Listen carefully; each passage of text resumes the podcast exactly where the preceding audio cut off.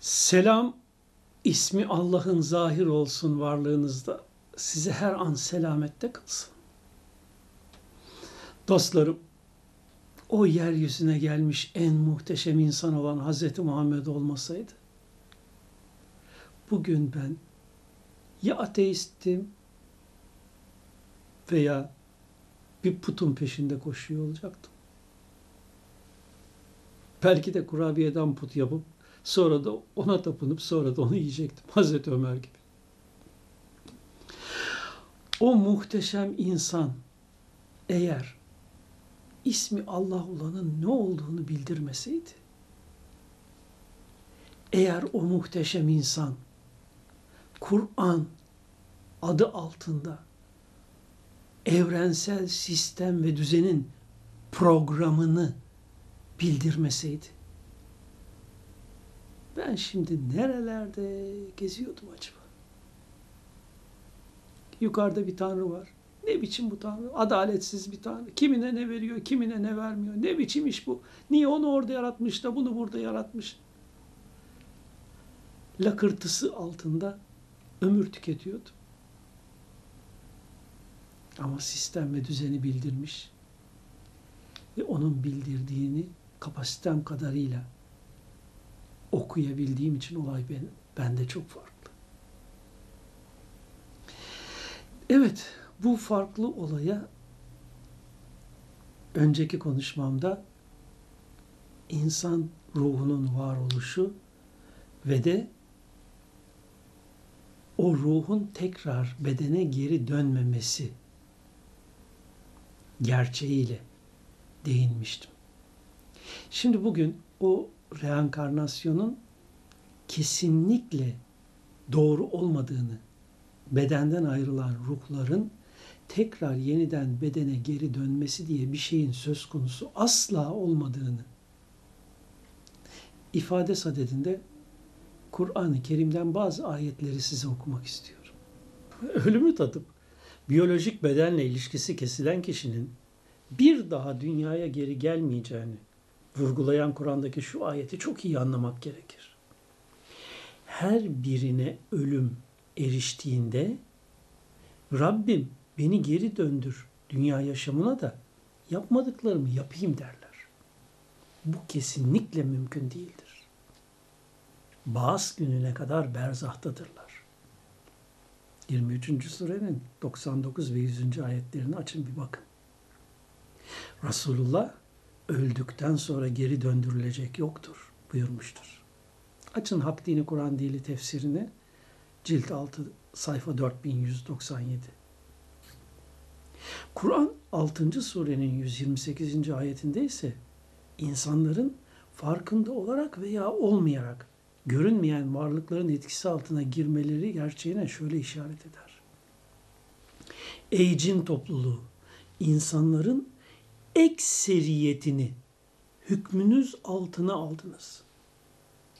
Kur'an-ı Kerim'de cinler hakkında bir sürü birçok ayet var, sure var. Cinleri inkar eden gerçeği inkar etmişlerden olur. Yukarıdaki o ayetin devamında şöyle der.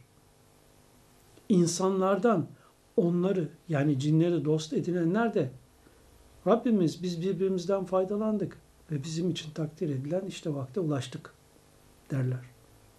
Allah yeriniz ateştir. Allah'ın diledikleri dışındakiler ebedi olarak orada kalıcıdırlar buyurur.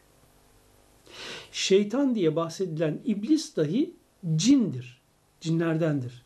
Bu gerçek Keyif suresinin 50. ayetinde şöyle vurgulanır. Ancak iblis secde etmedi. Cin türünden olduğu için. Cinlerin en büyük arzusu insanları Hz. Muhammed'in bildirmiş olduğu Allah ve Kur'an gerçeklerinden uzaklaştırmaktır. Bunun için de tamamıyla asılsız ilhamlar vererek İslam dışı düşünce sistemlerine, Hint inançlarına sapmalara yol açarlar. İnsanları Allah inancından saptırarak Tanrı inancına yönlendirip, dışarıya öteye yönlendirip, tevhid inancına ters varsayımlara sokarlar. İnsanların kendi türlerine çok büyük bir fitne olan ve o günkü lisanda cin diye tanımlanan görünmez varlıklardan ve onların tehlikelerinden korunabilmeleri için önce onları çok iyi tanımaları zorunludur. Zira Kur'an-ı Kerim'de sayısız defa uyarıldıkları şeytan işte bu cin denen aramızdaki görünmez varlıklardır. Burada nar kelimesine dikkatinizi çekmek istiyorum. Kur'an'da geçen nar kelimesi eğer bildiğimiz ateş anlamında olsaydı biz o ateşi zaten görür olurduk. Öyleyse Kur'an'da geçen nar kelimesiyle işaret edilen anlam bildiğimiz gözün gördüğü ateş değil, gözün göremediği ışınsal enerji türüdür. Gerek cin denen varlıkların yapısını oluşturan nar ve gerekse cehennem ateşi diye bildirilen nar kelimeleri hep ışınsal enerji türüne işaret eder. Dolayısıyla cinlerin yapıları Kur'an'da min maricin minnar, dumansız ateş yani ışınsal enerji ya da mesamata nüfuz eden zehirleyici nar yani insana zararlı ışınsal enerji olarak tarif edilmiştir. Keza cehennemdeki o ateşi tarif eden nar kelimesi gerçekte bir ışınsal enerji türüne işaret eder. Yoksa bildiğimiz alev değil. Cinlerin bize olan tesirleri tıpkı telepati dalgalarının beyin tarafından deşifre edilişi gibi olur. Bu yüzden de nasıl ve nereden geldiğini fark edemeyiz. Son olarak bu konuda şunu bildirelim. Eğer ruhlarla görüştüğünü sananlar, cinlerden zarar görenler, reenkarnasyona inananlar, kendilerine büyü yapıldığını düşünenler yahut kendisinde çeşitli baskılar hissedenler Kur'an'daki şu ayetleri ezberleyip her gün 300-500 defa okurlarsa çok kısa sürede büyük faydalar görürler. Kur'an-ı Kerim'in Sad suresi 41. ayetiyle Mü'minun suresinin 98 ve 99. ayetleri olan dua şu. Rabbi enni messeniye şeytan bin usbin mazava. Rabbi euzubike min hemezati şeyatini ve euzubike Rabbi yahturu. Bunu devam edenlerin çok fayda gördüklerini ben gördüm bu süreç içinde. Eğer bu Kur'an korunma dualarını kitap alma imkanınız yoksa web sitemizden Dua Zikir isimli kitapta veya Ruh İnsancın isimli kitapta da bulup okuyabilirsiniz. Evet, şimdi gelelim bu konuyla ilgili önemli başka bir olaya. Dünya üzerinde çok büyük bir topluluk şu anda bir tanrı bekliyor. Tanrı'nın ayak sesleri duyulmaya başlandı sanki. Ruh İnsancın kitabında bu konuyu yayınlamış kişi olarak biraz daha açıklık getirmek istiyorum gelişen şartlar dolayısıyla bu konuya. Hz. Muhammed Aleyhisselam'ın bahsetmiş olduğu bu nesil kıyametinin küçük alametleri tamamlanmış ve sıra büyüklerine gelmiş ise, eğer asırlarca evvel bahsedilen ve İbrahim Hakkı'nın Marifetname isimli kitabında söz ettiği 26 bin senelik dünya dengelerinin değişme süreci bu yüzyılda tamamlanacak ise, eğer hicri tarihle her yüzyılın başında gelen müceddit, yenileyici, bu defa son müceddit olarak 1401-1410 yılları arasında dünyaya gelmiş ve lakabı da El Mehdi ise ancak belirtildiği üzere Mekke'de bir haç döneminde açığa çıktıktan sonra tanınacaksa bilelim ki Mehdi'nin aşikar olması öncesi nasıl Mehdiyet devri ilmi yeryüzünde açığa çıkmakta ise daha önce de çeşitli yazılarımda belirttiğim şekilde Deccal'ın zahir oluşu öncesi Deccaliyet devri uygulamaları da aynı şekilde günümüzde dünya üzerinde yaşanmaktadır. Artık sıra kişiliklerin aşikar olmasına gelmektedir. Haber verildiği üzere cinler yeryüzünde istisnasız tüm insanlara görünecek uzaylı bir tür kimliğiyle belki de bir zaman sonra ve Resulullah Aleyhisselam'ın haber verdiği Mesih Deccal lakaplı insanlığın tanrısı olduğunu iddia edecek olan yalancı tanrı Mesih ortaya çıkacaktır. Ardından da Hz. İsa Aleyhisselam'ın hadislerde belirtilen şekilde açığa çıkması beklenir. Gökten taş yağacak diye işaret edilen meteor yağmurları doğuda, batıda ve ortada meydana gelecek olan üç büyük yer batması, depremlerin büyüklüklerinin ve sayılarının hızla artması gibi olaylar ertesinde açığa çıkacak olan görünmez varlıklar ne şekilde Deccal'ın ordusu işlevi görecekler? Bunu yaşayanlar görecek eğer nasiplerinde varsa. Şimdi burada kısa bir açıklama yapmak istiyorum. Cin kelimesi insan gözünün göremediği varlıklar anlamında kullanılmıştır genel olarak. Ve bu genel manası ile de insan gözünün tespit edemediği tüm bilinçli varlıklar bu kapsamda kabul edilmiştir. İster dünya üzerinde yaşayan göremediğimiz varlıklar olsun, ister güneş sistemi içinde veya ötesinde olsun fark etmez. Abdülkerim Cili İnsan-ı Kamil adlı eserinde yedi katmandaki yedi farklı tür cin yani görünmez varlıktan söz eder. Bunların bir türünden birini Resulullah yakalamış sonra da serbest bırakmıştı. Konumuz bu olmadığı için detaylarına girmeyeceğim. Dileyen araştırsın bu konuyu. Bir zamanlar dünya düz bir tepsi, güneş ve ay da bütün yıldızlarla dünyanın çevresine dönüyor diye düşünen kişiler gibi hala dünya üzerindeki et kemik bedenli insan adı verilmiş bilinçli varlıklar dışında başka bilinçli varlıklar olamayacağını iddia eden aydınsılar maalesef çoğunlukta. Oysa dünyanın düz bir tepsi olduğunu iddia etmek ne kadar yanlışsa, güneş sistemindeki tek bilinçli varlığın insan olduğunu iddia etmek de o kadar yanlıştır. Hele galakside insanoğlunun sadece santimetrenin 10 binde 4'ü ile 7'si arasındaki dalga boylarını değerlendirebilmesinden dolayı sadece bu spektrum aralığındakileri var kabul edilmesi artık 100 yıl öncesine ait çağ dışı bir kabuldür. Bugün bilim bırakın 5 duyuyu beynin 32 duyusu olduğunu iddia etmeye başlamıştır son yapılan araştırmalar sonucunda. Biz sadece beş duyumuzla algıladıklarımızla mı yaşıyoruz zannediyorsunuz? Beş duyu ötesinde beynimizin algıladığı dalgalar ve onları değerlendirmesi nedir acaba? Beynin bunun ötesinde insanlığın göremediği bilinçli varlıklar aramızda dolaşıyorsa ve bunları algılıyorsa ama bugünün bilimi henüz beyinde bunları tespit edemiyorsa bunlar yok mu demektir?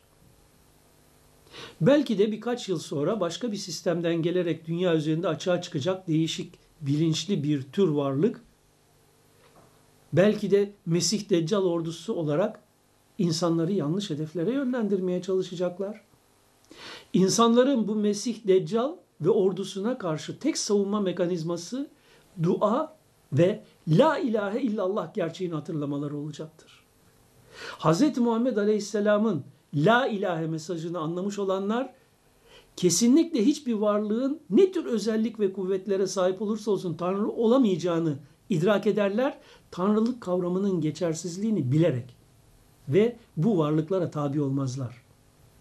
Deccal Müslümanlar dışındakilere İsa'yı yollayan baba olarak kendini tanıtırken Müslümanlara da kendini hak olarak tanıtacak Varlığımda tapındığınız haktan başka bir şey yoktur. Ben hakkım. İşte size burada aranızda zahir oluyorum. Bana secde etmeyen hakkı inkar etmiş olur.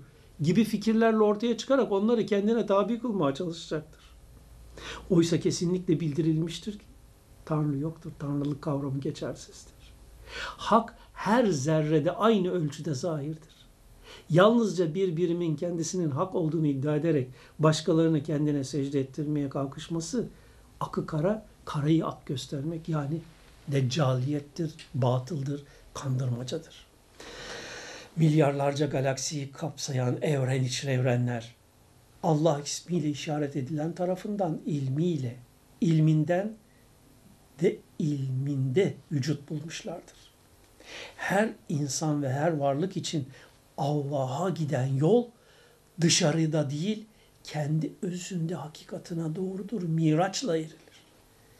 Dışarıda ötede Tanrı düşünen ancak kendi zannındakine, hayalindekine, vehmine yönelmektedir.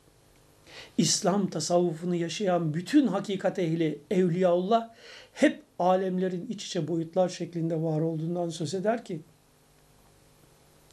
kalpten, ruhtan, şuurdan başlayan bu yolculuk lat ayyüne gider. Tek önünde varlığının hiçliğini hissetmesiyle son bulur.